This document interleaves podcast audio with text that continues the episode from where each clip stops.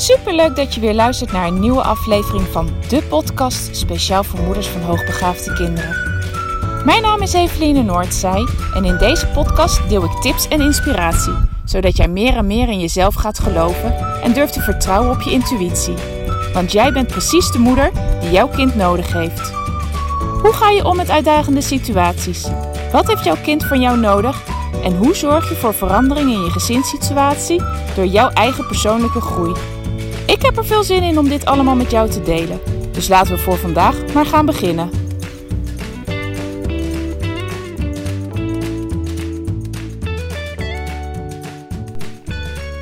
Ha, lieve luisteraar. Nou, een nieuwe dag, een nieuwe podcast. Deze keer nog steeds vanuit Italië, maar dan wel op een andere plek. We zijn momenteel in een heel klein dorpje vlak bij de grens met Slovenië aangekomen. En we waren op zoek naar een uh, camperplaats waar je ook de nacht kan verblijven. Nou, die hebben we wel gevonden, alleen die staat vol. Nu staan we op de parkeerplaats ernaast. En we gaan even kijken of het ons lukt om de, daar de nacht door te brengen. Ehm, ik zit nu met de kinderen in de speeltuin. En ik ga dus ook proberen deze podcast op te nemen zonder onderbrekingen. Maar ik weet niet of dat helemaal gaat lukken. Ah. is Jim? Uh, Jim is even naar de caravan. Komt zo terug. Ja, dat is hartstikke mooi. Mama, doe je deze als ik? Hey, mama zit even een podcast op te nemen. Ga jij nog even spelen? Gwen? Mama zit... Luister eens. Mama is een podcast aan het opnemen. Deze is voor jou en deze is voor mij. Ik wil graag even oogcontact. Ja? Hoorde jij wat ik zei? Nee? Ik zei, ik ben een podcast aan het opnemen. Ga maar even spelen. Nou, uiteindelijk ging ze spelen, maar gebeurde er daarna direct nog iets. Waardoor ik het toch maar even besloot om het opnemen van de podcast stop te zetten. Nou, momenteel zijn ze lekker aan het voetballen met mijn man. En dan kan ik hier eventjes door de straten struinen. Al pratende en deze podcast op te nemen. Voordat ik eh, verder ga bij waar ik gisteren gebleven was, want voor mijn gevoel was de podcast van gisteren helemaal nog niet afgelopen, wil ik je nog heel even wijzen op het WhatsApp membership. Eh, vandaag, als deze podcast online komt, is het de laatste dag dat je je voor het eh, membership kan inschrijven. Eh, vanaf 1 september zet ik de inschrijving stop. En ja, kijk ik even wanneer, de, wanneer ik hem weer openzet, eh, hoe alles loopt en eh, wanneer er weer ruimte is. Dus weet dat je nu nog kan instappen. Eh, mocht je behoefte hebben om eh, op dagelijkse basis je vragen te kunnen stellen aan mij. Zodat uiteindelijk ja, het fijner wordt in jouw gezinssituatie. De opvoeding makkelijker verloopt. En ja, met name, tenminste dat vind ik zelf altijd het belangrijkste, dat de relatie met mijn kinderen verbetert. Dus eh, wil je dat? Ga even naar mijn website www.specialistinhoogbegaafdheid.nl en daar kan je je nog eh, tot woensdagavond, zeg ik dat nu even goed. Het is vandaag dinsdag. Ja, woensdagavond eh 12 uur inschrijven. Oké. Nou, voor mij was mijn podcast gisteren nog niet helemaal af, maar ik dacht ik onderbreek hem, want nu, tenminste ik stop hem, ik eindig hem, want ja, nu is het nog even rustig en voordat ik dan weer gestoord word door die of gene. Maar ja, ik zat er later nog even, luisterde ik hem nog even na en ik eh, dacht van ja, weet je, voor mijn gevoel is die toch gewoon nog niet helemaal af. En dat heeft ermee te maken met dat we natuurlijk heel erg, dat ik het gisteren heel erg gehad heb over de gevoelens die de kinderen hebben en dat het, hè, hoe, nou ja, mijn ervaring zelf is hoe belangrijk het is als je die gevoelens gewoon laat zijn en hoe snel ze dan ook weer gaan verdwijnen. Maar en, ik, zei, ik zei daarbij dat als jij dat heel lastig vindt, die gevoelens van de kinderen toe te laten, eh, als dat iets met je doet, eh, dat het misschien heel goed zou zijn om zelf op onderzoek uit te gaan wat dat dan betekent, waarvoor jij daar dus zoveel last van hebt. Maar het punt wat ik nog niet besproken had, is dat het natuurlijk ook gewoon helemaal goed is dat bepaalde situaties met jouw kinderen bij jou ook gevoelens oproepen. Ook voor jou geldt natuurlijk dat alles wat je voelt dat dat goed is. En op het moment dat jij, als jouw kind extreem boos of extreem blij of extreem, nou ja, gewoon überhaupt het extreme, als dat iets met jou doet en dat roept bij jou iets op, dat jouw gevoelens daarin natuurlijk ook helemaal oké zijn. En ja, dat, dat is denk ik hetgene wat ik echt nog duidelijk wilde benoemen. Dat het niet zo is dat je dan met jezelf aan de slag moet. Of je moet helemaal, helemaal niks, maar aan de slag gaat omdat je die gevoelens niet mag hebben. En dat is niet wat ik bedoel. Die gevoelens mogen er zijn. Die mag ook jij hebben. En dat is helemaal prima. Dat maakt helemaal niet uit. Het is alleen een signaal dat daar nog iets zit. En dat signaal, bewust worden, dat is waar ik gisteren op bedoelde. En dat als je zo ver bent dat je daar iets mee kan en iets mee wil, dat daar een grootste groei zit. En tuurlijk is dat even lastig. Hè? Toen ik met onze, jong, of met onze oudste, nou zeg ik het weer met onze jongste, nee, met onze oudste uh, de ervaring had dat ze ontzettend veel huilde. En wat dat bij mij deed, namelijk het gevoel dat ik een slechte moeder was, als ik haar niet kon troosten. Eigenlijk veroordeelde ik mij toen de tijd mezelf daarvoor dat ik dat gevoel had. En wilde ik dat gevoel zo snel mogelijk weg hebben. Dus ik, ik duwde dat weg.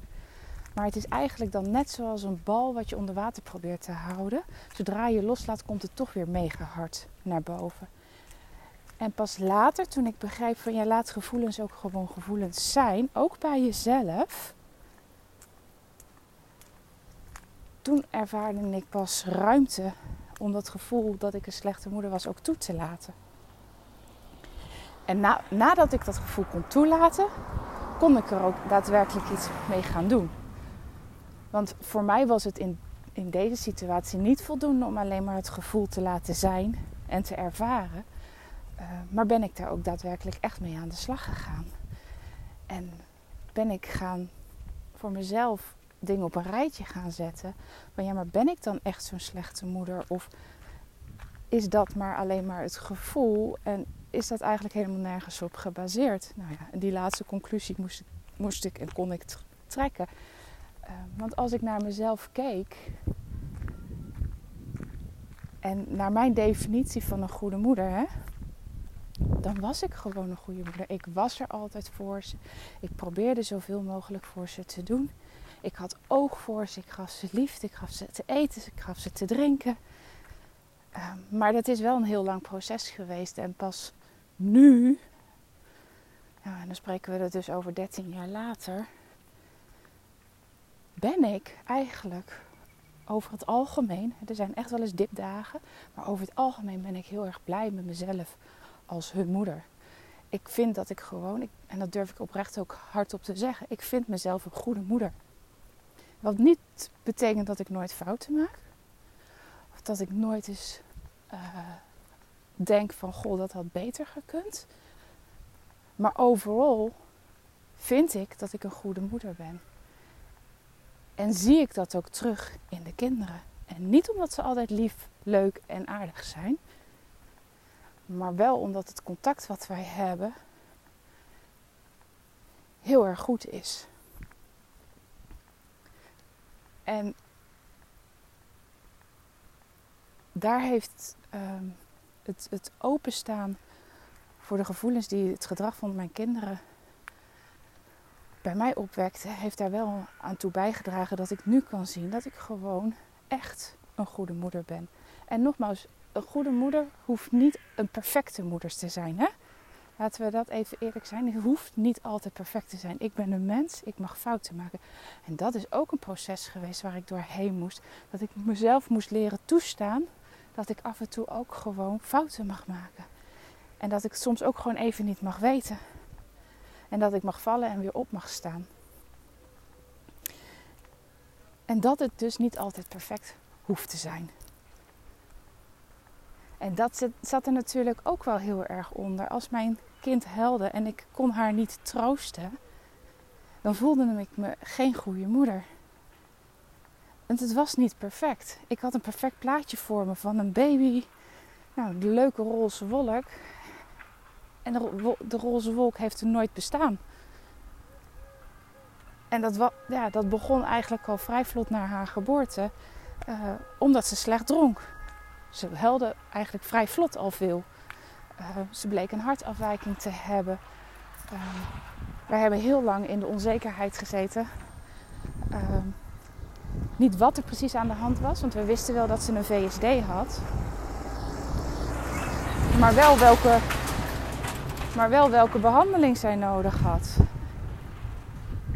Dus ja, van een roze wolk was helemaal geen sprake. En ik verweet mezelf ook nog dat ik niet de perfecte moeder was die haar ook nog eens kon troosten. Maar het doorvoelen van al die dingen die je ervaart, de, de gevoelens die je hebt bij, de gedrag, bij het gedrag wat jouw kind oproept en dat doorvoelen, dat heeft mij wel heel veel verder gebracht. En ja, dat, ja, dit was echt nog het stuk wat ik er gisteren nog heel graag bij wilde vertellen. Want natuurlijk heb je aan de ene kant de gevoelens van jouw kind en laat ze maar zijn voor wat ze zijn. En dat doet iets met je en ga daarmee aan de slag. Maar niet in de zin van, want je moet altijd de perfecte moeder zijn. Nee, dat hoeft niet. Maar meer van, goh, daar zit de grootste groei voor jou. Daar kan je van leren. En als je dat durft aan te kijken, dan kan je stappen gaan zetten. En daarmee zal je moeten voelen wat het gedrag van jouw kind met jou doet. En dat is niet altijd makkelijk en het kan soms ook echt wel pijnlijk zijn. Maar ik wilde heel graag benoemen dat dat er ook mag zijn. Dat jouw gevoelens er ook mag zijn. Dat het niet verkeerd is dat je af en toe gewoon mega geïrriteerd bent. Of mega, ja, soms echt ook mega boos. Ik word echt wel eens mega boos door het gedrag van mijn kinderen. En achteraf kan ik dan heel vaak wel zien dat het met mezelf te maken heeft. Um, want ook ik ben nog niet op alle vlakken waar ik heel graag wil zijn. Ik heb ook nog mijn issues op te lossen. Um, maar het doorvoelen daarvan, dat mag, dat mag je jezelf ook toestaan. Dat is niet alleen voor je kind, ook voor jezelf. En vanuit daar die stappen maken om, het, ja, om dingen aan te pakken, dingen te verbeteren. En alles wat je graag anders wil zijn, zien, ja, daar zal je heel vaak door eerst door iets moeilijks heen moeten.